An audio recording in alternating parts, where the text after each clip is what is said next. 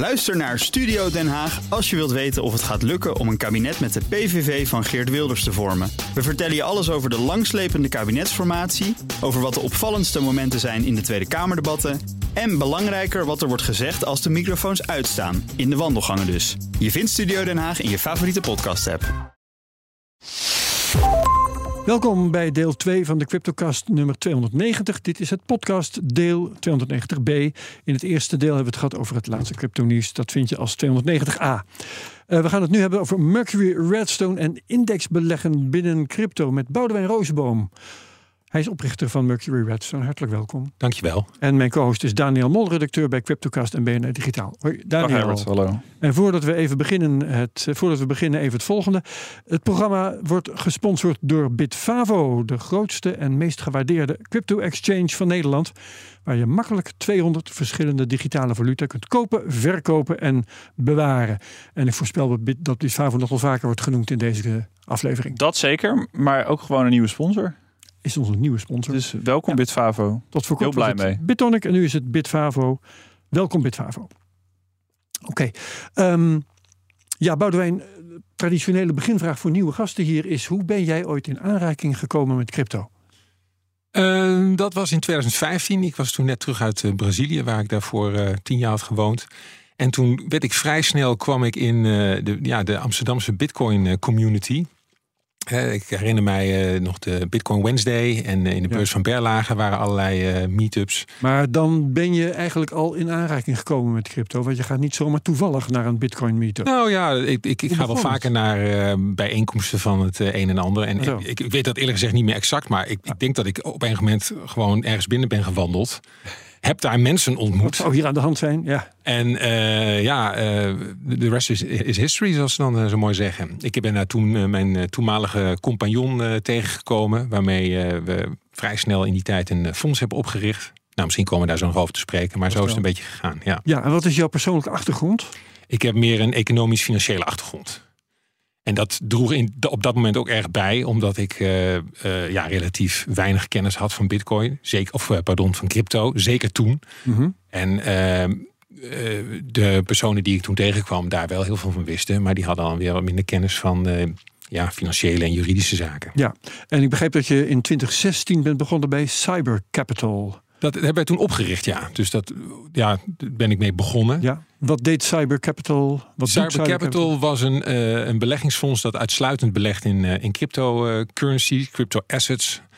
En dat doet zij op eh, basis van een actieve strategie. Dat doet ze nog steeds. Ik, ik spreek nu even in de tegenwoordige tijd, maar ik ben daar sinds 2019 al weg. Ja, maar het bedrijf bestaat nog. Het bedrijf bestaat nog. Was ja. in de tijd echt een bedrijf dat vaak, eh, jullie wisten vaak de media te halen. Klopt, ja. ja. Was ook een beetje de, volgens mij begin 2018, dat ik echt eh, helemaal in de rabbit hole donderde en overal alles consumeerde wat ik maar wilde.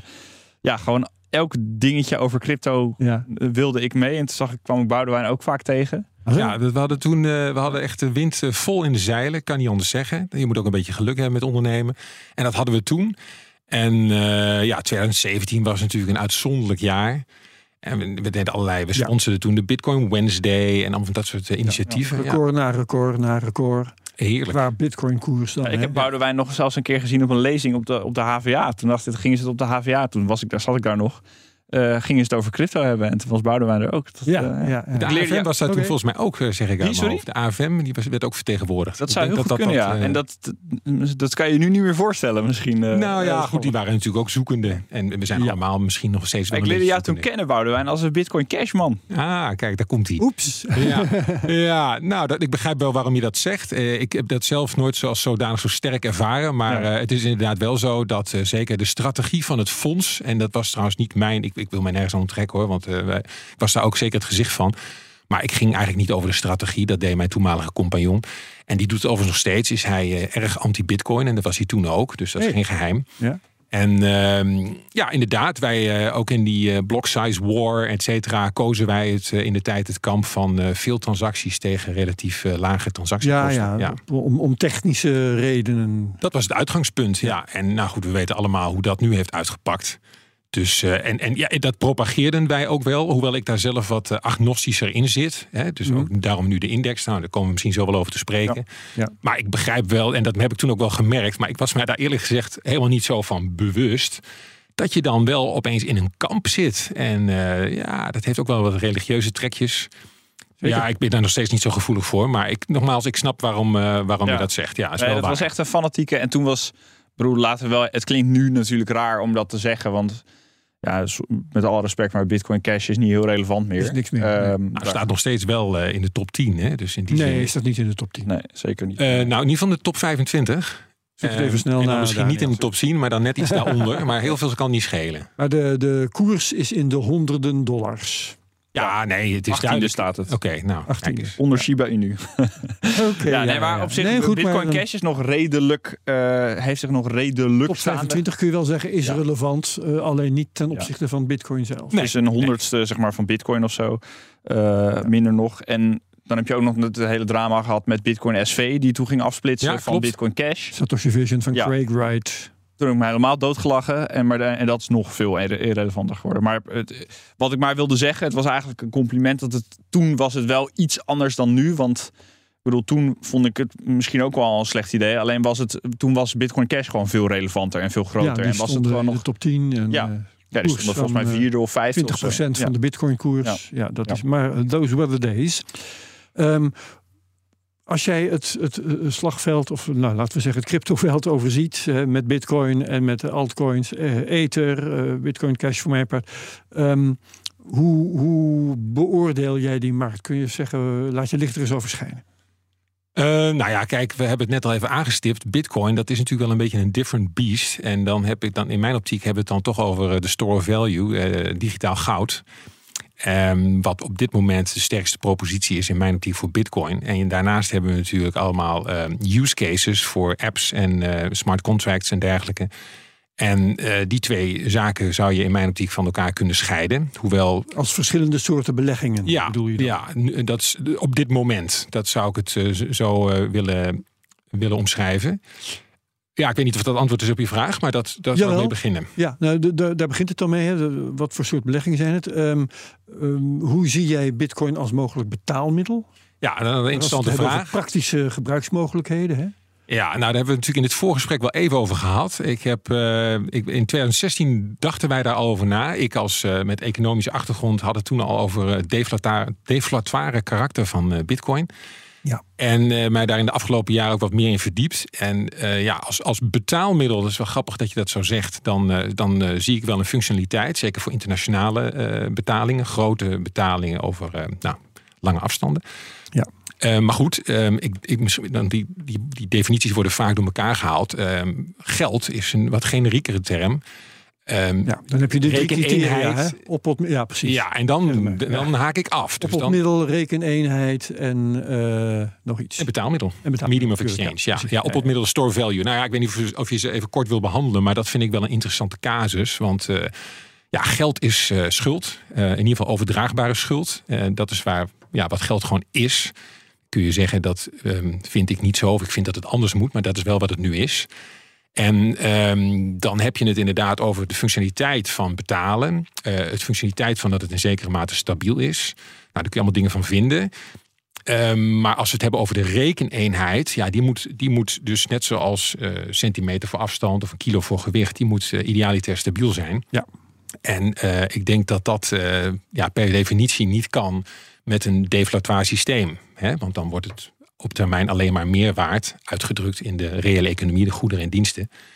Ja, en dat is denk ik gewoon de grote makke van ja, Bitcoin dat als geld. even zo blijven.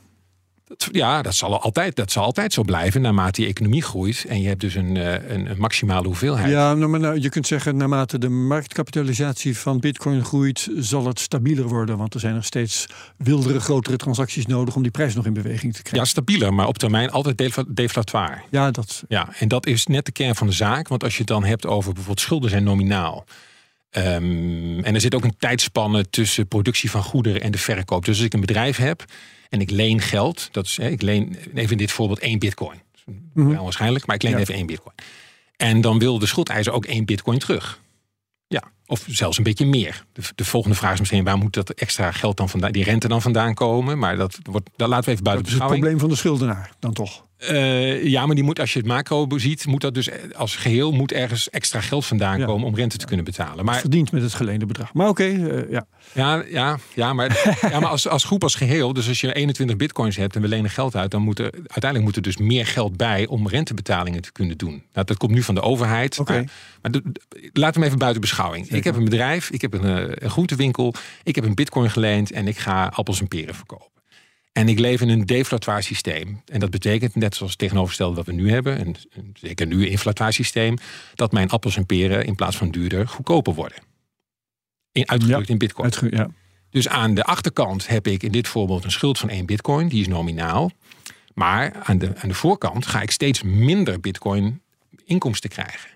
Dus ik krijg een, een, een, een, een, een schuldverhouding die, die scheef loopt. Ik kan mijn, Ja. uiteindelijk mijn schuld niet meer terugbetalen. Het is, het is eh, een andere manier om te zeggen: het is niet verstandig om te lenen in Bitcoin. Ja, en als je dan zegt, ik zou Dus niet dan meer doe je dat lenen, niet. dan, dan zet je... Ja, ik weet niet of je daar naartoe wil, maar dan, heb je, dan ga je dus wel de hele moderne economie op zijn kop zetten. Want Ja. ik denk dat leningen en eh, investeringen zijn in feite natuurlijk gewoon leningen. Ja, dat is de bakermat van onze moderne economie. Ja, maar dan leen je een andere eenheid. Goed, daar hoeven we verder niet. Daar gaat het deze. Ja, ik ben het denk ik. Ja, nee, dat zeker. Maar ik ben het denk ik ook wel met je eens. Op zich klinkt dit logisch. Alleen vind wel eh, dat we Bitcoin als misschien als reddingsbootje. We hebben het in het, in het radiodeel, daar was je niet bij. Dus dat, kan, dat ga ik je nu vertellen. Oké, Eh, hebben we het gehad over eh, de, de, de, de crypto-adoptie in verschillende landen. En Chainalysis heeft een hele lijst gemaakt van de belangrijkste landen. Dat zijn allemaal India was dat, Nigeria was dat, de Filipijnen, Indonesië, Oekraïne. Ja. Allemaal landen waar je misschien bitcoin als een soort noodoplossing, als een soort tweede munt naast je bestaande, misschien falende munt eh, Ja. hebt. En dan hoef je er misschien niet altijd in te lenen of altijd, maar dan kan je wel gebruik maken van het geldsysteem zoals het er nu staat. Dat, dat, dat vind ik dan een soort van tweede. ja, in een falend systeem, eh, in, hè, dus en dan noemen ze Argentinië, Ja, ja, Eh, ik ja. ken er een heel aantal. Ja. Dan, is, dan, is, dan, is, dan kan ik me daar iets bij voorstellen. Rusland. Maar ook dan geldt op termijn dat je dat denk ik niet als een ideaal betaalmiddel moet beschouwen. Maar mensen kunnen zich daar natuurlijk. Het is een soort eh, safe haven, hè, een reddingsboei. Ja. Ja. En dan, en dan schouwt dat kan dat ook zijn. Dus daar, daar ga ik helemaal in mee. Oké. In 2019 heb jij, eh ben je weggegaan bij eh, Cyber Capital. Heb je Mercury Redstone opgericht. Wat was de Klopt. reden? Ja. Ehm, nou, de redenen zijn uiteenlopend. Maar Mercury Redstone heeft zich. eh, het grootste verschil is dat hij op eh, passieve eh, manier ging beleggen. Hè, een passieve indexstrategie. ja, dat moet je dan even uitleggen. Want je had bij Cyber Capital actieve Ja. Indexstrategie. en nu pas Nou, het? actieve strategie, dus geen actieve indexstrategie. Pardon, maar leg, leg het dan maar gewoon even uit. Want Nou, simpel gezegd is eh, actief beleggen. Dan ga je dus eh, stockpicking of market timing. Dat zijn grofweg de twee smaken die je hebt. Dus het selecteren van aandelen, in dit geval crypto. En het eh, bepalen van die, wanneer je die wel en niet gaat Ja, aankopen. dat, doet dan, dat doet dan de vermogensbeheerder voor de klant. Begrijp ja, dat deden wij als fonds. Ja, dus dat deed ons beleggingsteam, investeringsteam.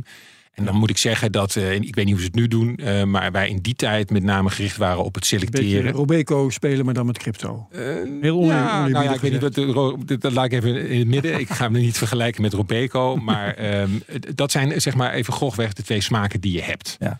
En wat je dan ziet, dat in praktijk dat geen eh, waarde toevoegt. Hè? Rendement voor de, uiteindelijk de belegger. Want daar gaat het natuurlijk allemaal om. Het verhaal van de chimpansees met de pijltjes. Eh, deskundigen eh, scoren nooit beter dan toeval.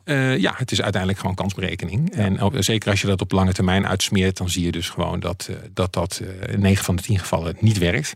Bleek dat dus ook bij Cyber Capital? Ja, die, die rendementen zijn gewoon eh, eh, publiekelijk, staan eh, op de websites, ook bij ons en ook bij hun. Dus dat kan, kunnen mensen gewoon vergelijken. En als je dan gewoon de hele termijn neemt, dan blijkt dat ook, dat dat ook geldt voor Cyber Capital. Ja, ja. En ehm, richt jij je met Mercury Redstone op een andere doelgroep dan Cyber Capital? Ja, nou ja en nee. Dat wil zeggen dat wij ook, dus dit ging dan even over de strategie. En wij zijn dus op een passieve indexstrategie overgegaan. Ehm, en dat heeft er met name mee te maken dat je dan veel minder kosten maakt. Ja. We hebben dus gewoon, ja, Transactiekosten. En ook, maar ook met name je analisten. Hè? Dus wij, Juist, ja, wij, wij, wij doen in feite niks. Ja, we doen wel wat, maar relatief zo min mogelijk. Je volgt gewoon de markt, dus je voegt in die zin ook helemaal geen, nou ik wou zeggen geen waarde toe, maar dat doen die actieve fondsen in feite ook niet. Maar je voegt Mhm. dus geen arbeid toe. En dat scheelt gewoon enorm in, in de kosten. Dus wij hebben ook geen manage, of nou ja, geen ehm, performance fees. Dat, dat hakt er vaak in. Dat zie je bij cryptofondsen niet zelden wel 20 tot 25 procent per maand zie ik wel eens voorbij komen. Zo. Ja, dat zijn, eh, die hakken er hard in. Nou, wij deden dat in, bij Cyber Capital nog eind van het jaar. Dat is nog keurig. Maar als je dat maandelijks gaat doen en je hebt dan uh, fees over fees. Hè, dus die eerste maand ben je al kwijt, tweede maand ben je kwijt, derde maand kan je kwijt. Ja, dan, dan telt dat aan het eind van, de, van het jaar uh, echt heel hard op. Dus dat is Ja. zeker iets voor mensen om mee te nemen. Ja, maar op wie, op wie richt je je? Ja, sorry. Ehm, en eh, ik, ik doe even een aanloopje, omdat eh, eh, Cyber Capital was een fonds. En dan is een collectief vermogens, eh, ja, investeringsvehikel. En dat betekent dat je al je investeerders poelt in één portefeuille. En dat doen wij nu niet meer. Wij hebben- doen het nu op individuele basis. En dat maakt dat je dus ehm, hè, op het moment dat je een fonds hebt, moet je aan eh, de AFM-regelgeving gaan voldoen. Mhm. Uitzonderingen op. En dat geldt dan ook voor alle cryptofondsen. Ehm die, grofweg moet je dan, als je minimale investeringsbedrag 100.000 euro is, dan kun je registreren bij de AVM en dan mag je tussen aanhalingstekens doen wat je wil. En, maar goed, dan moet je dus wel minimaal 100.000 euro vragen. En dat betekent dus dat je... Per klant. Per klant. En dat betekent dus dat je een bepaalde doelgroep aanspreekt. En het mo- Ja. model wat wij nu hebben, omdat wij geen fonds meer zijn... Hè, dus wij beheren ook geen crypto van onze beleggers... Ook geen geld overigens. Dat eh, staat allemaal op de individuele rekening. Bijvoorbeeld bij Bitfavo, dan noem ik ze maar even. Oké, ja, ja. Ehm, en betekent dus dat wij ook niet aan die eh, regelgeving, die beperking, eh, hoeven te hoeven voldoen. En dat eh, leidt ertoe dat wij eh, vanaf eh, 2500 euro beleggingen accepteren. Ja, Ehm, Dus in die zin is die doelgroep mogelijk wel wat anders. Ja, mij mensen dan wel- daarboven mogen ook steeds bij ons beleggen. Dat doen ze ook. ja, zeker, zeker. Ja. Ehm, maar ehm, hoe, hoe zit dat dan? Wat, wat is jullie functie dan? Want als je eh, eh, in een bepaalde verhouding belegt hè, tussen verschillende eh crypto-mogelijkheden en je stalt het bij Bitfavo, dan kan de klant dat toch ook zelf doen? Ja, dat kan die ook doen. En dat eh, zeg ik ook wel eens tegen klanten. Als eh, zij Wat doen jullie hier? Ja, als ze dat Ja. eh, wensen, kunnen ze aan het eind van de maand. op, ze kunnen elke dag op onze website kijken. Daar staat de portefeuille. en die, en die update ook elke dag, want die volgt gewoon de koersen. Ja. Eind van de maand wordt dat geherbalanceerd. Dus dan krijg je gewoon weer de nieuwe portefeuille. En als klanten denken, nou, ik ga eind van de maand ga ik even op de website kijken. Ik log in op mijn Bitfavo-rekening. Ik ga handmatig gewoon al die percentages eh, eh, aan en verkopen. Dan kunnen ze dat zeker doen. Ik denk dat het voor veel klanten een hoop gedoe is. Dit geldt trouwens ook voor indexfondsen in zijn algemeenheid. Dan kun je dat natuurlijk doen. De AX, eh, verzin Jazeker, ja, ja, ja. ja. Je Dus- kan je eigen AX maken. Natuurlijk. Ja, Ja, dat ja, kan. En elk ander indexfonds eigenlijk ook. Ja, nou ja, goed, als jij met duizenden eh, hè, en S&P 500, dat wordt wel heel dat veel oké. werk. Ja, ja, ja. Maar het is alleen maar de ingewikkeldheid die dat dan eventueel moeilijk maakt. Ja, nou, ik denk dat het ook. Uiteindelijk denk ik dat je er toch wel even druk mee bent. En dat is Ja. natuurlijk wat je de klant eh, uit handen neemt in feite. Dat, Ja. is, dat is wat het is. Ja. En jullie zeggen, je bent niet echt eh, analisten of zo in dienst bij Mercury Redstone. Welke index vol, bedenken Ja. jullie zelf? wat jullie volgen? gek? Of- Dat, zou, dat, dat, dat zien, we, zien we natuurlijk wel eens. eh, hè, met, dan noemen ze de term bundels. En dan is altijd een beetje de vraag wat voor eh, methodologie daar dan aan ten grondslag ligt. Je doelt nu op Finst. Nou, nou niet per specifiek, maar de, de term bundel wordt wel vaker gebruikt.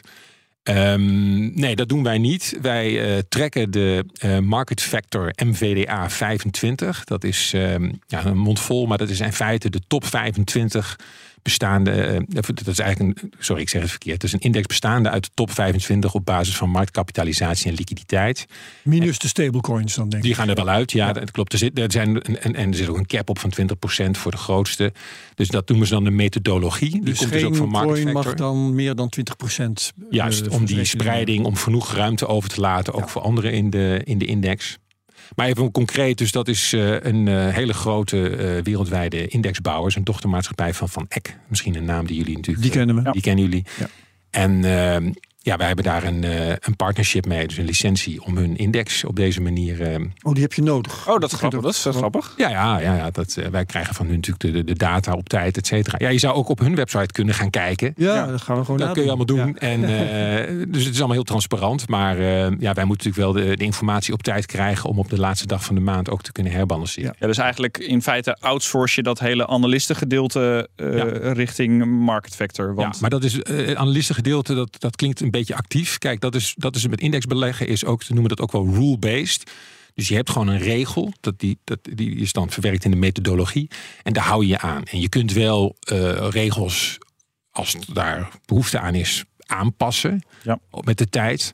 Maar je, hoeft daar, je bent daar dus verder niet de hele dag mee aan het knutselen. Je hebt gewoon Nee. regels en die, eh, ja, die produceren aan het eind van de maand een eh, bepaalde samenstelling en daar hou je aan. Ja, en het beantwoordt ook al een vraag die ik net wilde gaan stellen. Eh, namelijk, die was, hoe doe je dan dat herbalanceren? Hè? Want daar moet je dus eh, eh, beslissingen innemen. Maar dat heb je eigenlijk al uitbesteed Ja. aan Van Eck. Die gaan Ja. op een gegeven moment zeggen van... eh, nou, er moet nu wel wat verkocht van deze en wat gekocht van die. Anders kloppen de verhoudingen niet Nou, meer. eind van de maand doen zij een index review en dan wordt er geherbalanceerd en gereviseerd. Herbalanceren betekent dat je de percentages weer terugbrengt naar de percentages op basis van marktkapitalisatie en liquiditeit. En reviseren betekent dat bepaalde munten die niet meer in de index thuis horen, eruit gaan en worden verwisseld voor nieuwe Ja, die ja, op basis van die, van die regels eh, in aanmerking komen om te worden opgenomen. Ja, en dat had ik jou willen vragen, maar nu ga je eh, natuurlijk tegen me zeggen dat dat doet Van Eck allemaal. eh, Op, op, maar misschien weet je het wel, op grond van wat voor criteria worden eh, onderdelen daaruit gewipt en andere daar weer ingezet. Nou, dat, er is dus een methodologie. Dus dat zou je dat, dat even. En dat is ook allemaal te downloaden op onze website. Ja. En daar wordt dat allemaal eh, eh, ja, eh, vrij doorvrocht uit, eh, maar je uitgelegd. hebt nu de kans om het even te vertellen. Grofweg, nou, wat ik al zei, marktkapitalisatie en liquiditeit. Dus dat is, dat, daar gaat het dan om. Zo, zo simpel is het. Dus, dus ook voor Van Eck is het eigenlijk het blind toepassen van een regel die ze hebben opgeschreven. Ja, maar zij doen dat dan weer samenwerking. Want waar, waar, waar, waar haal je dan je data vandaan? Zij doen het dan weer samenwerking met Crypto Compare. Ik geloof dat zij eh 15 exchanges eh, Oh ja. eh, daar data vandaan halen. Kijk, dat, dat is het dus. Zij, zij, zij zijn een professionele indexbouwer. Dus zij proberen dat, pakken dat ook op een professionele manier aan. ja, want ik zou zeggen, kijk gewoon op CoinMarketCap of zoiets. Maar ze maken het nog net iets ingewikkelder. Ze maken het iets ingewikkelder, omdat zij natuurlijk aan alle voorwaarden. Je mag niet zomaar een index produceren als benchmark. Daar zijn ook weer regels voor. Oké. Dus, dat, eh, die, hè, dus dat, dat, daar moeten zij aan voldoen. Ehm, ja, en dan eh, heb ik geloof ik, ik zeg het even uit mijn hoofd, maar dan moet een, een munt moet bijvoorbeeld eh, verhandeld worden op een van die grootste exchanges. De munt moet een bepaalde gemiddelde ehm, liquiditeit eh, in de afgelopen maand hebben behaald om, eh, om in aanmerking te komen te worden, om te worden opgenomen. Nou, en dan krijg je dus een lijst. En dan wordt volgens mij gekeken naar eh, de grootte, hè, dus de marktkapitalisatie en vervolgens de liquiditeit. En die worden naast elkaar gelegd. En daar destilleer je dan een top 25 uit. Die worden dan weer verdeeld in de grote en de kleintjes. Dus de top 5 zijn volgens mij de grootste. En die, hebben, die beslaan dan 50%. En de andere 20 bestaan ook 50%. Dit zijn allemaal keuzes, hè? dus je kunt het ook op een andere manier doen. Maar dit zijn allemaal keuzes die worden gemaakt om een bepaalde spreiding te waarborgen. En vervolgens wordt in die top 5, de grootste, wordt dan per munt weer gezegd, mag maximaal 20% zijn. Ja. Dus we hebben wel eens gehad dat Bitcoin maximaal, dit is doorgaans altijd maximaal 20. En dan Ether kan, als die, dat kan er ook, daar- ook daarvoor in aanmerking komen. Of die zit daar net onder. Nou, en zo creëer je dus een spreiding. En dat is eigenlijk wat je eind van de maand doet. En dan even jouw vraag, wat bepaalt dan wanneer er een muntje uit en ingaat? Nou, dat is eigenlijk deze regels. En als er dan een muntje eh, voor een aanmerking zou komen om weer erin te gaan, dan heb je wat te maken met een buffer. En dat betekent dat hij, en dat weet ik niet uit mijn hoofd, dat staat er wel in, maar dan, dan het, is, het zou natuurlijk een beetje vervelend zijn als je elke maand een muntje wisselt in die top, eh, zeg maar nummertje 25, omdat dat feitelijk niks toevoegt. Erin, eruit, erin, Erin, eruit. erin, eruit. Dus daar heb je niet Ja. zoveel aan. Dus daarvoor heb je dan een buffer om, om dat te voorkomen. Dus dan moet Oké. die wel over een bepaal- bepaalde hurdle heen Ja. om, eh, om te worden opgenomen. Wat is nou precies eh, het, het voordeel van dat indexbeleggen? De reden waarom je dat zou doen, is dat bijvoorbeeld eh, risicobeperking of is dat juist winstmaximalisatie? Hoe zou jij het omschrijven? Nou, het is, het is per definitie zo dat, en dan, dan heb ik dan misschien nog wel een aardig voorbeeld, dat indexbeleg op de lange termijn eh, pak een beetje 90% van de actieve strategieën outperformt. Dus daar begint het al mee. Dus in die, in die zin doe je jezelf een plezier als je gaat indexbeleggen. Er is een klassiek voorbeeld eh, van Warren Buffett, die volgens mij in 2007 of 2008 eh, tegen de, de grootste hedge funds, dus de grootste beleggingsfondsen, heeft gezegd: joh, ik steek een miljoen dollar in gewoon de S&P 500 of de, de brede marktindex. En aan jullie de Top taak that. om, eh, om eh, te outperformen. En dat is alle tien volgens mij niet gelukt. Eh, dat is, wordt altijd eigenlijk een beetje als voorbeeld aangehaald dat het gewoon heel moeilijk is om de markt te verslaan. Hè? Nou, het is, het is onmogelijk. Nou, de- ja, kijk, zal ik een voorbeeldje geven? Is misschien wel aardig. We- Stel, we nemen 21 personen en die geven allemaal een bitcoin. Dus dan hebben we eh, een groep van 21 mensen, hebben allemaal een bitcoin. En die, die reflecteren de hele markt, de bitcoinmarkt in dit geval, 21 bitcoins. En ehm, tegen 10 van die mensen zeggen we, nou, ehm, of 10 van die mensen die gaan eh, die bitcoin hoddelen. Dus die zeggen, ik leg hem onder mijn kussen of in de kluis. eh, Ik leg hem neer en dan gaan we over tien jaar eh, gaan we eens kijken wat, wat die bitcoin voor mij waard is. En dat gaat dan over de wer- werkelijke waarde van de toegevoegde waarde... wat de markt uiteindelijk vindt dat die bitcoin waard is. En die andere elf, die zeggen, we huren een casino af... en we gaan tien jaar lang elke avond met elkaar Ja. spelletjes spelen. Dat is het gooien met pijltjes, zoals wordt er ook wel eens voor. Dat zou je zo kunnen noemen. Ja, Ja, ja, ja, ja. En de doelstelling wel van al die elf mensen is natuurlijk om van die ene bitcoin die ze, waar ze mee beginnen, meer bitcoin te maken. Ja. Dat is het enige wat ze kunnen doen. Dus na tien jaar wil ieder persoon van die elf wil meer bitcoin overhouden dan waar die mee begon. Ja, dat kan natuurlijk niet. Dus als we naar, naar tien jaar kijken en we zetten al die mensen weer eens op een rij. En we kijken dan naar die elf die dat casino in zijn gegaan elke avond. Ja, dan blijkt uit praktijk, dus je kunt heel erg over theorie hebben. En daar is ook wel iets voor te zeggen. Want waarom is nou zo wat het is? Maar we kunnen ook gewoon naar de praktijk kijken. En die feiten, die cijfers zijn gewoon bekend. Dan blij- blijkt uit praktijk dat van die elf dan misschien één het eh, meer dan één bitcoin heeft. En die andere tien allemaal minder. Ja, het is een eh, zero-sum game. Zero sum game. Maar wat, en dan aan- aanvulling en dan hou ik eh, erover op. Ehm, want de vraag is dan, als je nou al die elf nog eens bekijkt, wat hebben ze allemaal, alle elf nog aan bitcoin? Dus wat zou jij dan denken? Ze zijn er met 11 bitcoin ingegaan, maar hoeveel staan ze na 10 jaar buiten? Oké, nou, dan moet ik gewoon een, een gokje doen. Eh, ik zeg acht. Nou, jij, jij begrijpt in ieder geval waar ik naartoe wil. Heel veel mensen zeggen, nou, dan hebben ze in ieder geval allemaal nog el- in ieder geval één bitcoin nog gemiddeld. Maar dat Ja. is dus niet zo.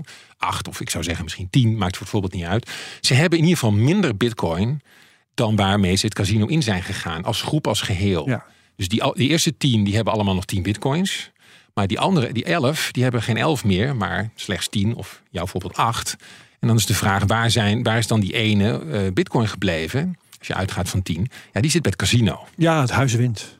de kosten. Ja. Ja, en dat is in de financiële sector niet anders. Dus, en dat geldt ook voor ons. Ik eh, gaf het net al aan. eh, actieve fondsen rekenen hoge performance fees, management fees, opslagfees, instapfees, uitstapfees, redemption fees. Nou, dat zijn hetzelfde als uitstapfees. En die kunnen alleen maar komen van, in dit voorbeeld, die 11 bitcoin. Die komen niet van buiten het casino. Dat, is, dat moet daar vanaf. Dus als groep, als geheel, hebben ze per definitie Ja. minder te verdelen. Daar begint het dan mee. En dat is gewoon een cijfermatig, vrij eenvoudig eh, sommetje.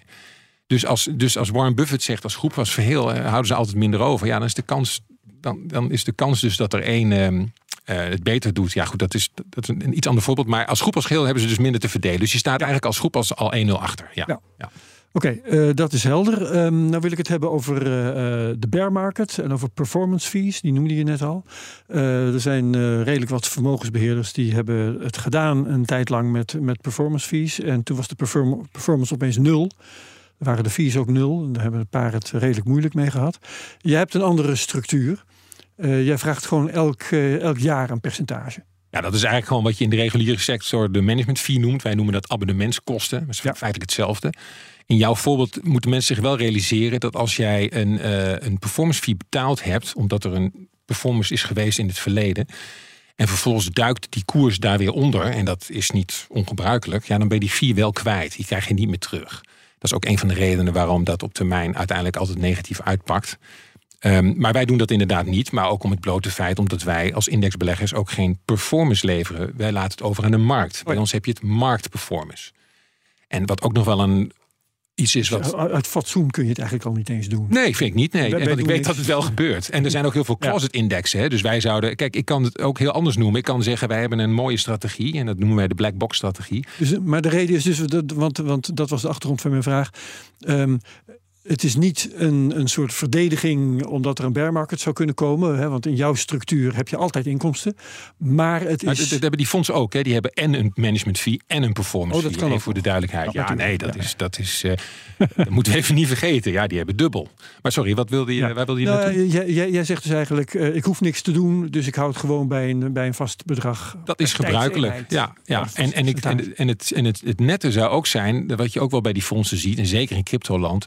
Kijk, als jij daadwerkelijk een absolute performance beter doet dan de markt, de index, even tussen aanhalingstekens, ja, dan heb je in mijn optiek recht van spreken. Want dan heb jij een overperformance geleverd. Hè? Dus het beter gedaan. Maar wat je vaak ziet, neem nou even dat voorbeeld weer van die eh, 21, eh, die 11 mensen die het casino ingaan.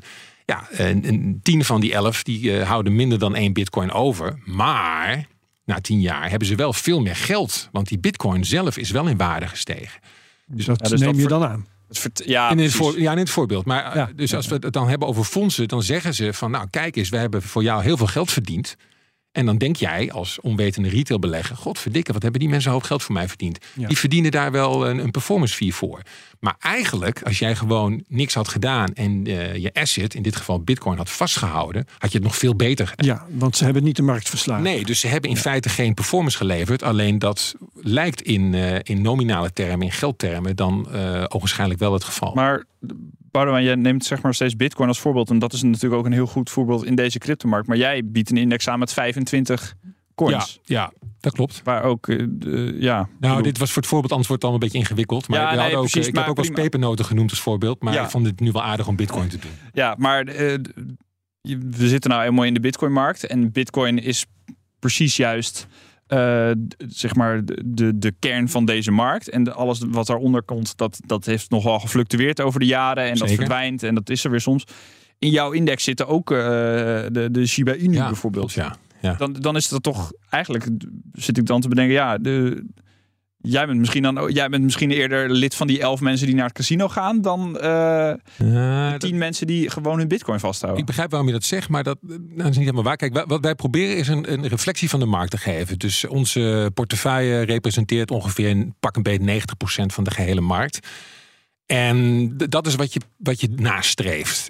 Ehm, als jij vervolgens zegt, ja, daar zitten ook munten tussen waar ik geen voorstander van ben, om wat voor reden dan ook. Ik zou eerlijk zeggen, daar, wordt in, eh, daar hebben wij met Market Factor ooit in het verleden al eens over gehad. En dat is onlangs weer opgeleid. In hoeverre we de meme coins bijvoorbeeld eh, moeten handhaven in de, in Ja. de index. De, de, de eerste reactie is, ja, god joh, als jij eh, marktkapitalisatie en liquiditeit handhaaft, dat is de regel, ja, dan geef mij maar een goede reden waarom je die dan niet zou doen. Hè? Dus dan ga je toch een actieve keuze maken. Maar daar zijn eh, de meningen over verdeeld. Dat geldt hetzelfde ook met privacy coins. Hè? Dus dan krijg je meer een juridisch aspect dat je die eruit moet halen. Nou, bij ons worden die eigenlijk al gefilterd door het eh, platform, in dit geval Bitfavo. Daar kan je bijvoorbeeld geen Monero aanhouden. Ja. Die zit wel in onze index. Dus in onze indexportefeuille op het platform Bitfavo heb je dus ook geen Monero. Wij kraken weer wel. Dus, Aha, dus, dus daar zijn nuances. En ehm, ja, dat, dat, is, dat is zo. Dus in die zin, eh, weet niet of dat is wat je bedoelt. Maar dat, ja, eigenlijk waar ik uiteindelijk naartoe wil, is, is de cryptomarkt wel geschikt voor indexbeleggen? Want eh, indexbeleggen als gedachte, daar volg jij helemaal mee. Want eh, de- zeg maar de S&P 500 kopen in plaats van alleen een paar aandelen Apple en een paar aandelen Nvidia en dan zeggen, joh, ik ben eh, breed belegd, dat kan niet. nee. SP 500 zitten ook, eh, de, weet ik veel, ook saaie bedrijven zitten daar zeg maar Ja. in. Ehm, alleen de cryptomarkt, ja, daar, is, daar verandert het zoveel. En als je nu de, de top 25 van 2019 eh, voor je neus haalt, ja, dat is, dat is heel anders. Ja, dat klopt. Dus uiteindelijk hoop je dan eh, en verwacht je dat die markt volwassen wordt. En dat dus die andere munten, dus naast Ethereum en Bitcoin, want dat zijn denk ik wel een beetje de grote drivers geweest, zich op enig moment ook gaan manifesteren. En eh, ja, dat, dat, is een aanname die je doet. Kijk, als jij zegt, ik, ik geloof daar sowieso niet in. En, en die mensen zeggen, nou ja, misschien hier wel aan tafel, Bitcoin-maximalisten. Ja, dan moet je natuurlijk niet in een index gaan zitten. Maar het uitgangspunt is dat naast Bitcoin straks ook eh, andere munten, ehm, eh, ja, hoe zal ik het te zeggen, eh, Bestaansrecht. bestaansrecht eh, Ja. Nou ja, hebben en, en, en vergroten. En eh, dat is waar je op inzet. En eh, ik, ik, durf, ik kan dat niet met zekerheid zeggen. Maar dat kan ik van Bitcoin ook niet. Hè? Dus ik weet niet, eh, misschien in deze context misschien een beetje gevaarlijk om bij jullie aan tafel. maar daar kun je ook kritisch over zijn. Gaat dat wel heel gevaarlijk om hier te zitten. digitaal goud? Het is allemaal eh, heel speculatief. En eh, dat geef ik meteen toe. Dat zeg ik ook Ja. tegen mijn beleggers.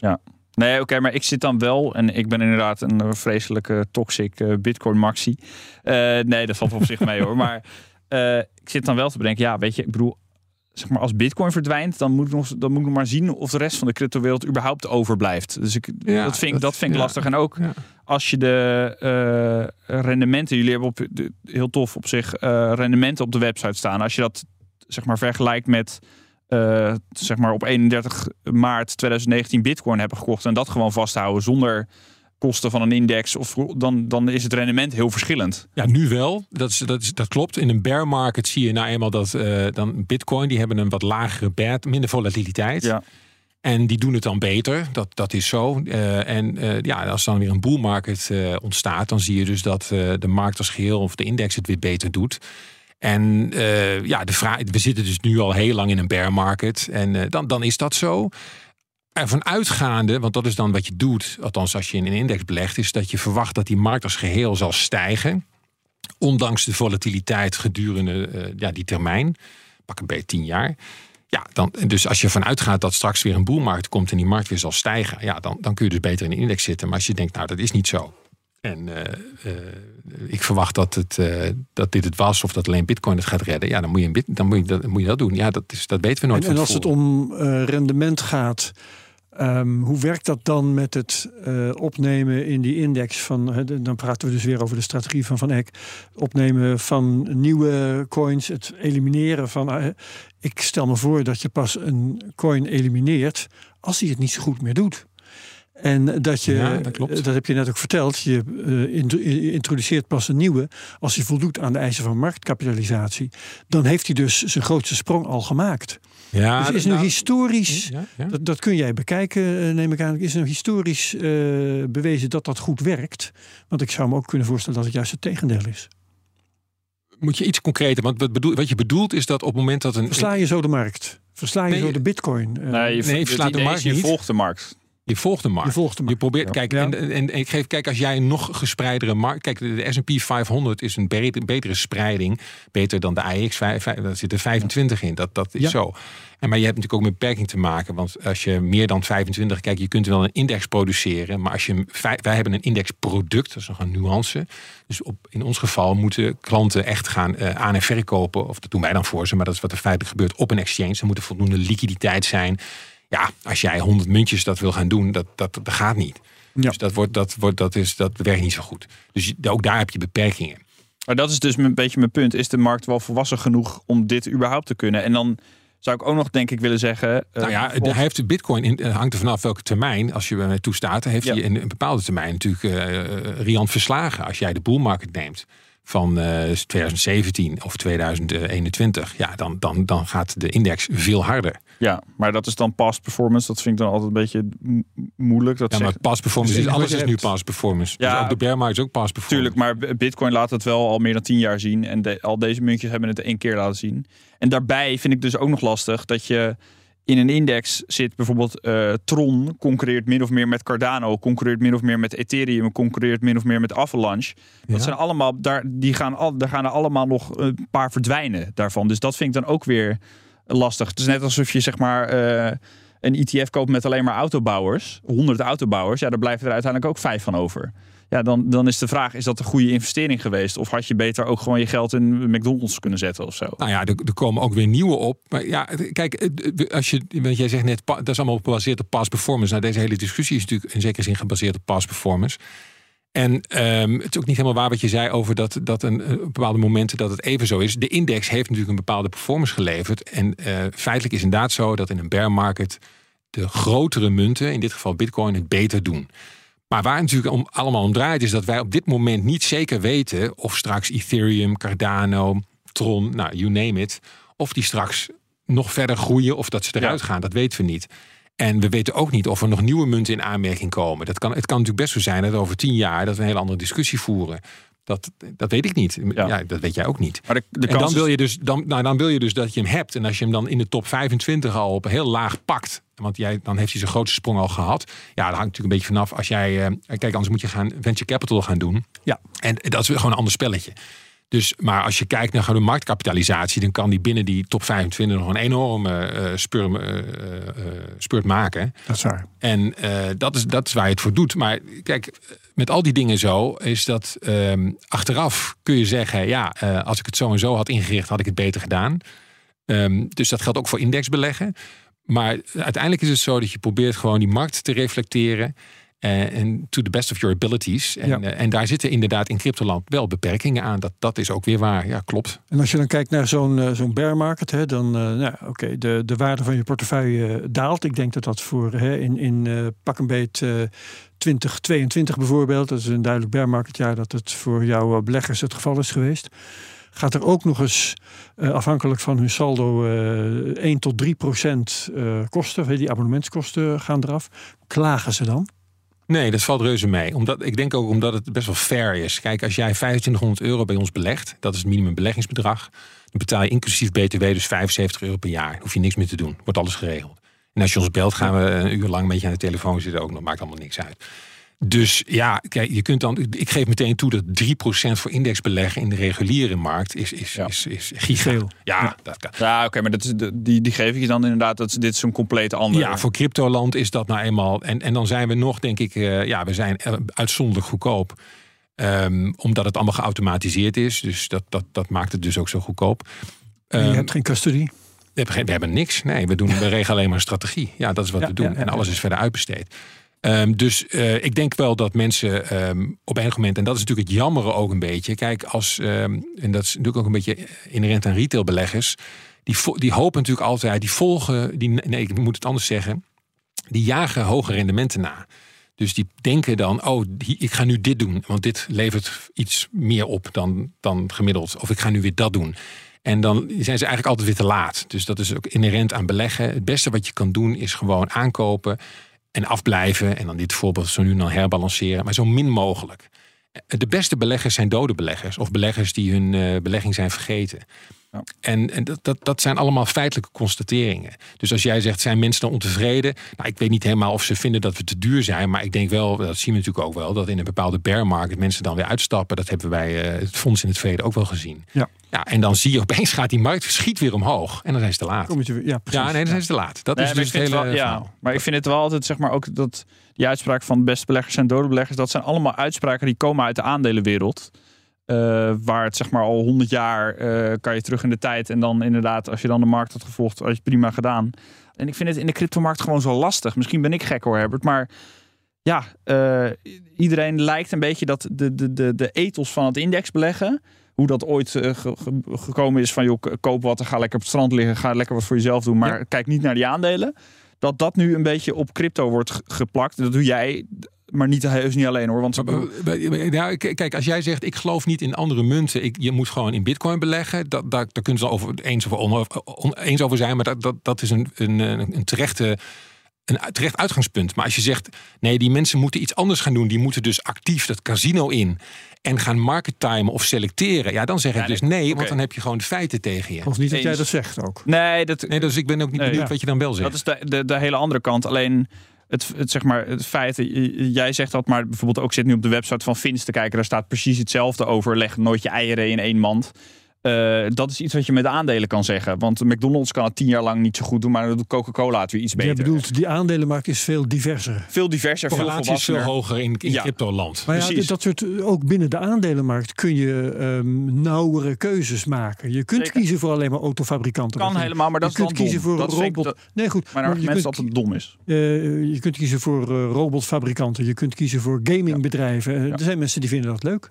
Ja, er zijn, maar de, uit, de, zeg maar vooral daar, of die thematische ETF's hebben we het dan over. Ja. Daar is heel veel onderzoek naar gedaan. En eigenlijk komt daar keer op keer eruit dat het Risico te groot is. Eh, nou, niet alleen het risico, maar dat je zit, je zit met bedrijven die elkaar aan het concurreren zijn. En dat, Ja. Dat het vaak vooral de, de makers van de ETF's, die hebben daar, spinnen daar gade bij. En niet per se de klanten die die ETF's kopen. Dat komt keer op keer uit onderzoek. Ik kan wel wat in de show notes zetten. Ja, dat is, dat is hetzelfde inderdaad. Dat ook daar weer geldt. Dan doet een bepaald thema het goed. Dan gaan al die Ja, beleggers ja, erin. En dan doen, gaan het andere thema het Maar Daniel, zijn punt is, als ik het goed begrijp, eh, een crypto-indexfonds, daar geldt eigenlijk hetzelfde voor. Nou, Ja, kijk, dat als ik de, dat- als ik de, Ja, de snapshot, sh- eh, historical snapshot van 2031 maart 2019 neem, wat er dan in de top 10 staat. Oké, Bitcoin en Ethereum kunnen we het allemaal over eens zijn, prima. Daarna Ripple, nou ja, is niet mijn favoriete project, maar is er wel al lang. Daarna, wat komt daarna? EOS. Ja, sorry, dat is ergens eh, compleet verdwenen. op 30 ongeveer. Eh, denk ik. 50. Ja, maar dat weten we nu. Hè. EOS had natuurlijk ook door kunnen groeien. Eh, Ripple bijvoorbeeld, want eh, als je een andere snapshot neemt, dan was Ripple er waarschijnlijk nog niet. Ja. Die is nog relatief iets later gekomen. Ja, en- eerder wel hoor. Die, die waren er al vroeg. Maar het maakt niet uit. Ja, Ja, maar later dan Ethereum, denk ik. Ja. ja. een beetje dezelfde periode. Nou ja, nou goed. Maar mijn punt is dat je op een gegeven moment pak je ze op en dan gaan ze mee in de index. Ja, en dat, dat, dat de cryptomarkt relatief klein, jong en daardoor eh, hoge correlatie heeft, et cetera. Ja, dat is allemaal waar natuurlijk. Dat ben ik met je Ja. eens. Maar Ja, maar ik vind het dan zo, zeg maar, in plaats van eh, je legt niet je eieren in één mandje. Het is meer gewoon, voor mij voelt het heel erg, omdat er zoveel projecten zijn die gewoon totaal verdwijnen eigenlijk bijna. Ja. Voelt het eerder van je gooit de poep op de muur en je kijkt wat blijft plakken. En als je 25 stukken poep op de muur gooit, dan blijven er een paar inderdaad plakken. Ja. Meer dan Maar één. dat is, dat is het wel. Als ik me verplaats in de crypto-belegger, dat eh, heb jij ongetwijfeld al gedaan, uh, Boudewijn. Dan uh, is het, ja, ik kan, ik kan bitcoin kopen, maar ik hoor eens in zoveel tijd van altcoins die het fantastisch doen. Uh, hoe kan ik daar ook een beetje van mee profiteren? Weet je wat, ik stop mijn geld in een index. Want er zitten er altijd wel een paar altcoins bij die het fantastisch doen en die misschien in een bull market de bitcoin verslaan. Nou, dat is feitelijk wel wat er gebeurt, ja. Dat ja. is de redenering, of juist is of niet, maar dat is de redenering die erachter zit. Ja, dat is het ook. En, en, en, en, en, het, kan toch ook zo zijn dat op enig moment de Bitcoin-propositie, om wat voor reden dan ook, afzwakt. En dat, we, en dat hebben we natuurlijk in het verleden wel gezien. Nu is geloof ik de marktdominance uh, 50%, maar die is ook ja. wel eens wat minder geweest en ook wel eens wat hoger. Ja, en opeens krijgt Ethereum een enorme uh, push in, in de back. Ja. En, en gaan we allemaal prachtige apps in gebruik. Want dat is natuurlijk waar we uiteindelijk naartoe willen. Kijk, als je zegt, daar geloof ja. ik helemaal niet in.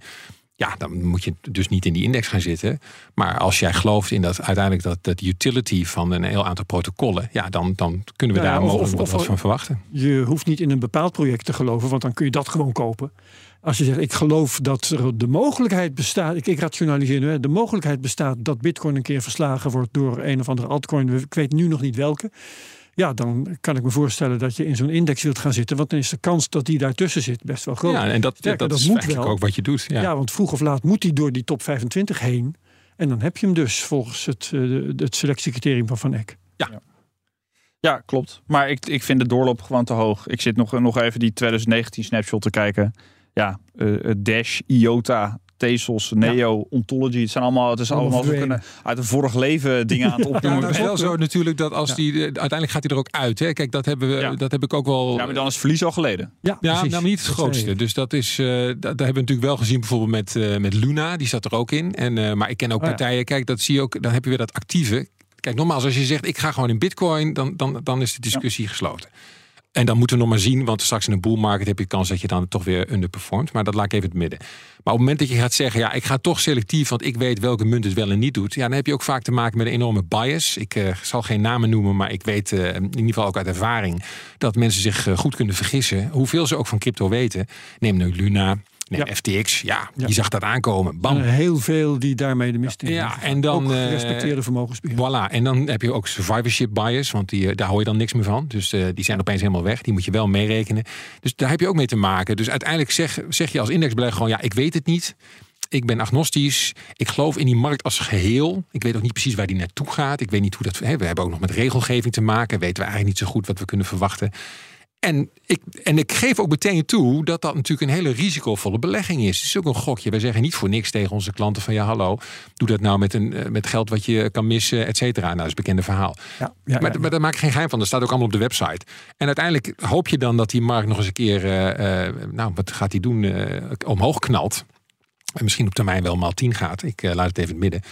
Wie zal en, het uh, en, dan, en dan als dat gebeurt, ja, uh, dan verwacht ik dat uh, de index, nou, misschien dat je me dan weer uitnodigt, het mogelijk ja. beter heeft gedaan dan Bitcoin. Zoals ja. die in het verleden die, die momenten ook, ook, al aantoonbaar zijn geweest. Ja, ja. Oké. Okay. Maar bij die nuchtere, dat is, dat is mijn punt en daar verschillen we gewoon van mening en dat is ook prima verder. Um, maar zeg maar die nuchtere houding, dat agnostische, dan heb ik eerder zoiets van ja. Uh, koop, uh, koop gewoon bitcoin en dan nog een beetje Ethereum erbij en laat het daarbij. En ga dan op het strand liggen. En dan zie je het wel alsof als de cryptomarkt wat geworden is, ja of nee, over tien jaar. En dan vind ik lastig. Uh, en nogmaals, je bent echt niet de enige die dat doet. vind ik het lastig dat je er allerlei andere projecten bij gaat betrekken die want daar geloof jij dan dus per definitie niet in. Ja, nou, de Bitcoin killer zal er maar tussen zitten. Dan ja, ja, maar, ja, ik, nou, de Bitcoin killer geef ik toe, dat vind ik een lastige. Maar de Ethereum killer, dat, uh, daar kan ik me wel iets bij voorstellen. Ja, maar dat, dat, dat roepen we ook al. Zeg maar, ik, ik ben ja. nu vijf jaar echt in deze markt. En dat wordt ook al vijf jaar geroepen over. Nou, ik kan denk ik twintig projecten opnoemen die dat gedaan zouden, die dat gingen doen. Ja. En keer op keer uh, gebeurt dat dus ja, toch niet. Maar dat en, is natuurlijk een korte termijn. Ik vind, ik vind, ik, ik, ik ben nou ja, ik, ik vind vijf ja, jaar ook niet zo heel lang precies. als ik eerlijk ben. Nee, maar oké, okay, tuurlijk. Maar moet je nagaan als we dit, als we het over 50 jaar doortrekken, is de kans natuurlijk orde groottes hoger dat Bitcoin en dus misschien ook wel Ethereum nog bestaan, dan dat uh, Avalanche nog bestaat. Zeg maar dat, dat is een beetje mijn ding. En als je dan nou ja, als je dat naar de reguliere markt kijkt, ik heb dat niet meteen voorhanden, maar uh, zeg maar de grote bedrijven, ja, hoe is dat in, in het Er zijn niet zoveel bedrijven die langer dan 30 jaar bestaan. Nou, maar wel in de S&P 500. Want daar, dat laten we dat nu als dan heb je ook een verloop van grootste bedrijven. Hè? Dus dan heb je Microsoft, die is dan weer het grootste. En ja, goed, we zijn, het is natuurlijk ook allemaal heel pril. Dus ik, dat, dat moet ze ook nog een beetje vorm krijgen. En die hele markt aan zich is natuurlijk eh, pril als geheel. Dat vind ik ook nog Ja. wel. Dus nee, oké. ja. En de SP 500 is nu gewoon ook zwaar tech. Omdat tech het de afgelopen tien jaar goed heeft gedaan. Maar Apple, Microsoft, Amazon, eh, de, de- zeg maar Berkshire Hathaway. eh, ja, dus dat zijn toch allemaal bedrijven die toch al tientallen jaren relevant zijn. Ja. Ja, maar Eh, die zijn er ook opeens ingekomen. Dat is, heeft zich, ook- dat is ook niet helemaal van... Tuurlijk. Van, Zijn ook ooit Van- nieuw geweest. Ja, ja, de- natuurlijk. Maar, en dat, maar dat, dan hebben we het over een andere tijdsperiode. En dan, eh, dan vergelijk ik liever Apple of Microsoft. Vind ik een beetje, dat is een beetje Bitcoin en Ethereum, zeg maar. Dat idee. nu. Ja, Ja. precies. Maar nou, dan over, gaan we over vijf of tien jaar eens kijken. Ja, nou ja, ik ben heel benieuwd. Ja, jongens. inderdaad. Agree to disagree. Ja, lijkt me, daar lijkt me nu wel tijd voor zo langzamerhand. Eh ik wil het onderwerp nog eventjes aansnijden eh, van wat jij eh, verder van plan bent. Want je hebt iets opgezet dat heet Artlink. Oh ja, dat is een heel ander onderwerp. Dat klopt, ja. Daaruit. Artlink, dat is een eh, Spotify voor de kunst. Ik denk dat ik het zo het beste kan omschrijven. En dan bedoel ik eh, heel specifiek dat, eh, nou, ik was natuurlijk, eh, ben al enige tijd actief in die cryptowereld. En dan, eh, ja, dan heb je zijdelings ook wat te maken met eh, NFT's. En we hebben er natuurlijk in de afgelopen jaren heel veel over gehoord. En iedereen had het altijd over het bezitten van NFT's en het verhandelen van NFT's en het geld verdienen met verkoop van NFT's, et cetera. En ik dacht, ja, dat gaat natuurlijk in veel gevallen over digitale kunst. En eh, dat hebben we natuurlijk dat ritueel allemaal met muziek gehad. En daarvan hebben we met z'n allen besloten, dat gaan we gewoon streamen. Dus het leek mij het meest logisch om dan kunst ook te, gewoon te gaan streamen. Het is notabene al digitaal, dus dat, eh, die stap eh, die heb je dan. Dus dat, het was een no-brainer. Dus Artlink is eigenlijk, eh, we bouwen nu aan een app. Nou, De, de eerste versie is er overigens al. Ehm, maar die is nog niet live, want zover zijn we nog niet. Maar het idee is dus dat je straks op je televisie, hè, hier hangt bijvoorbeeld ook iets aan de muur. Maar is- televisie is een beetje een transitiefase, hè, omdat mensen dat kennen. Eh, Mensen zijn inmiddels een beetje bekend misschien al met de Samsung eh, The Frame. Die hebben ze specifiek gebouwd voor kunst. Hè, met een matte finish, Ja. het allemaal wat beter is dat. Ja. En die hebben dan ook de Samsung Art Store. Dus die bieden ook al een heel, eh, een heel bestand aan van allerlei eh, digitale kunst. Ja, voilà. Ja. Eh, maar wij willen daar wel wat verder in gaan. Het idee is natuurlijk dat kunstenaars straks zelf hun, hun kunstwerken kunnen uploaden. Of galleries of musea. Dat je iets, eh, iets minder curated, maar meer misschien een YouTube-achtig concept. Hè? Open, Ja. open voor iedereen. Ik kan me heel goed voorstellen dat je dan eh, nou ja, eh, kunst op je, op je eigen scherm krijgt. wat net zo goed tegelijkertijd ook bij een ander kan hangen. Hè? Want het is heel makkelijk om dat dan aan verschillende dat- mensen ja. tegelijk... Heeft Muziek het verder nog een... Want je begon over NFT's. Heeft het ook een connectie met, met eh, het begrip NFT? Ja, nee. Kijk, dat hebben we natuurlijk ons wel een beetje in verdiept. Eh, de vraag is natuurlijk, wat is een NFT? En dat vraagstuk dat ligt nog steeds een beetje op tafel. In ieder geval, wat zijn de juridische kenmerken van een Ja, NFT? wat kenmerkt. Ja. En ehm, dan zie je eigenlijk dat in veel gevallen de NFT, de meeste gevallen, daar zit bijvoorbeeld geen copyright in. Dus jij hebt een NFT, en dan heb je eh, juridisch niks. Dus ehm, als iemand bij ons een NFT zou uploaden, want daar is ons systeem natuurlijk wel eh, ehm, ja, op eh, geëquipeerd. Dan, ehm, dan gaat het ons juist om dat het de founders NFT is. Dus dat we zeker weten dat we met de oorspronkelijke ja, maker van die NFT te maken hebben. En dat is Dan moet allemaal niet zo makkelijk. checken. Hè? Want Precies, ze zijn heel ja. makkelijk te fabriceren. Voilà. Ook met gestolen eh, beeldmateriaal. Ja, ja, dus dan moet je inderdaad Twitter-accounts en dan moet je allemaal social media gaan checken. Dus dat is niet per definitie eh, makkelijk. Misschien dat daar, want ik, ik ben daar ook nog niet zo technisch in onderlegd. Dus, dus dat vraagstuk ligt er nog een beetje. Ik zou me kunnen voorstellen dat dat, dat, dat wel kan op enig moment. En dan zou dat- voor ons dus juridisch toegevoegde waarde hebben. Want als wij weten dat het de oorspronkelijke NFT is, dan hoef ik die persoon nog niet eens te zien. Maar dan weet ik in ieder geval dat ik met de juiste tegenpartij aan tafel zit. Ja, en dat En je dan- oké zit qua rechten. Ja, en dus dat is, dat is mogelijk het juridische voordeel. En daarnaast heb je nog de financiële kant van de zaak, het, het, eh, monetizen. Want als we die persoon dan willen betalen, ja, dan zou dat, heel veel artiesten zitten bijvoorbeeld op Tezos. Ja, dan zou dat heel mooi zijn als we dat via de Tezos blockchain rechtstreeks naar die wallet kunnen sturen van die betreffende NFT. Dat is natuurlijk het romantische beeld. En daar, wil ik, heb ik, daar doe ik niks aan af. Als dat allemaal op termijn gaat werken, dan zullen wij daarin meegaan. Ja. Maar het feit is ook dat als die kunstenaar zegt: ja, dit is mijn bankrekening en stort hem elke maand hier, dan, dan, dan doen we dat ook. Dus ook daar zeg ik ja, als dat die NFT echt doorgang vindt, want er zijn ook wel, er is wel een, eh, een eh, hoe zeg je dat, een case to be made of een.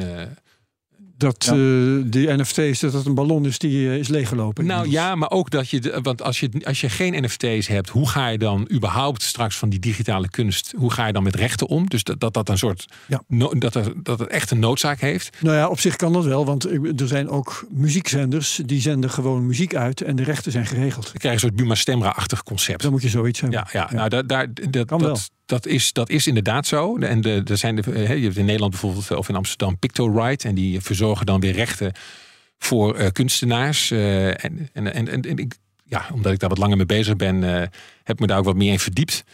Ehm, maar dat is dus best een complex vraagstuk. Hè? Stel nou dat we, Ja. iemand uit Burkina Faso die gaat iets eh, op uploaden in ons systeem van Andy Warhol. Ja. En wij, wij weten dat niet, want we zien dat niet.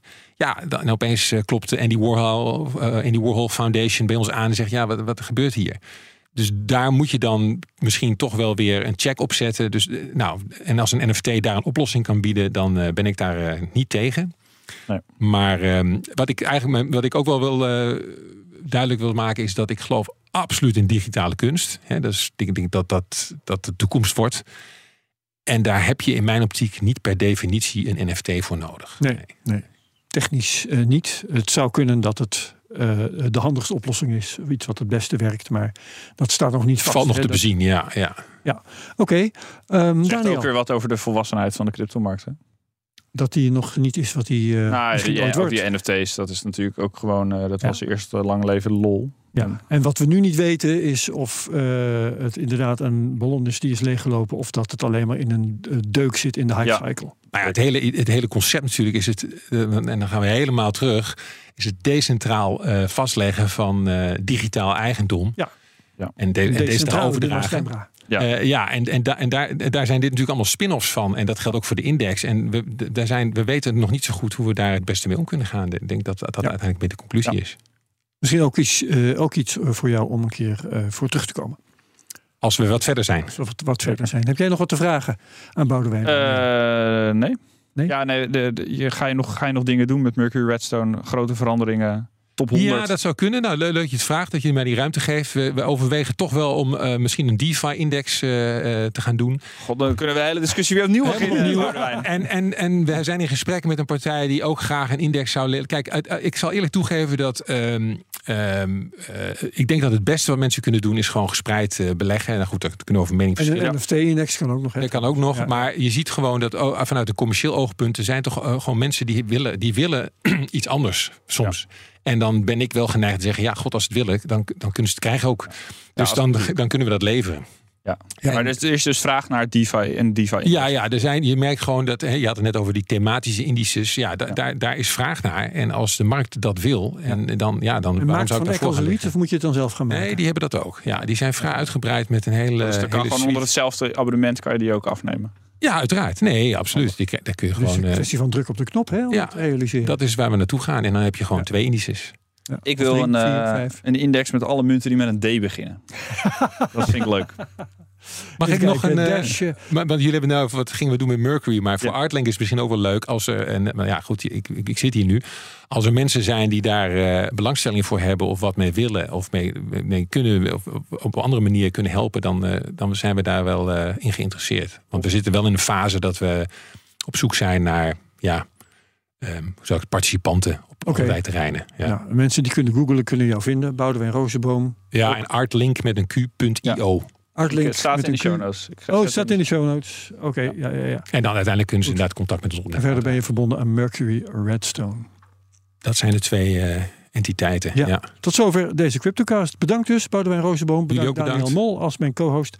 Deel de CryptoCast met je volgers op Twitter. Mention at CryptoCastNL. Reviews moet je achterlaten op Apple Podcasts. Dat is ook goed voor ons. Like, subscribe, comment op YouTube. En bedankt iedereen. Heel graag tot volgende week bij de CryptoCast op PNR. Dag. Cryptocast wordt mede mogelijk gemaakt door Bitfavo, de crypto-exchange van Nederland. Ook Harm Edens vind je in de BNR-app. Je kunt BNR Duurzaam niet alleen live luisteren in de app, maar ook terugluisteren als podcast, zoals al onze podcasts. En naast dat de BNR-app Breaking News meldt, houden we je ook op de hoogte van het laatste zakelijke nieuws. Download nu de gratis BNR-app en blijf scherp.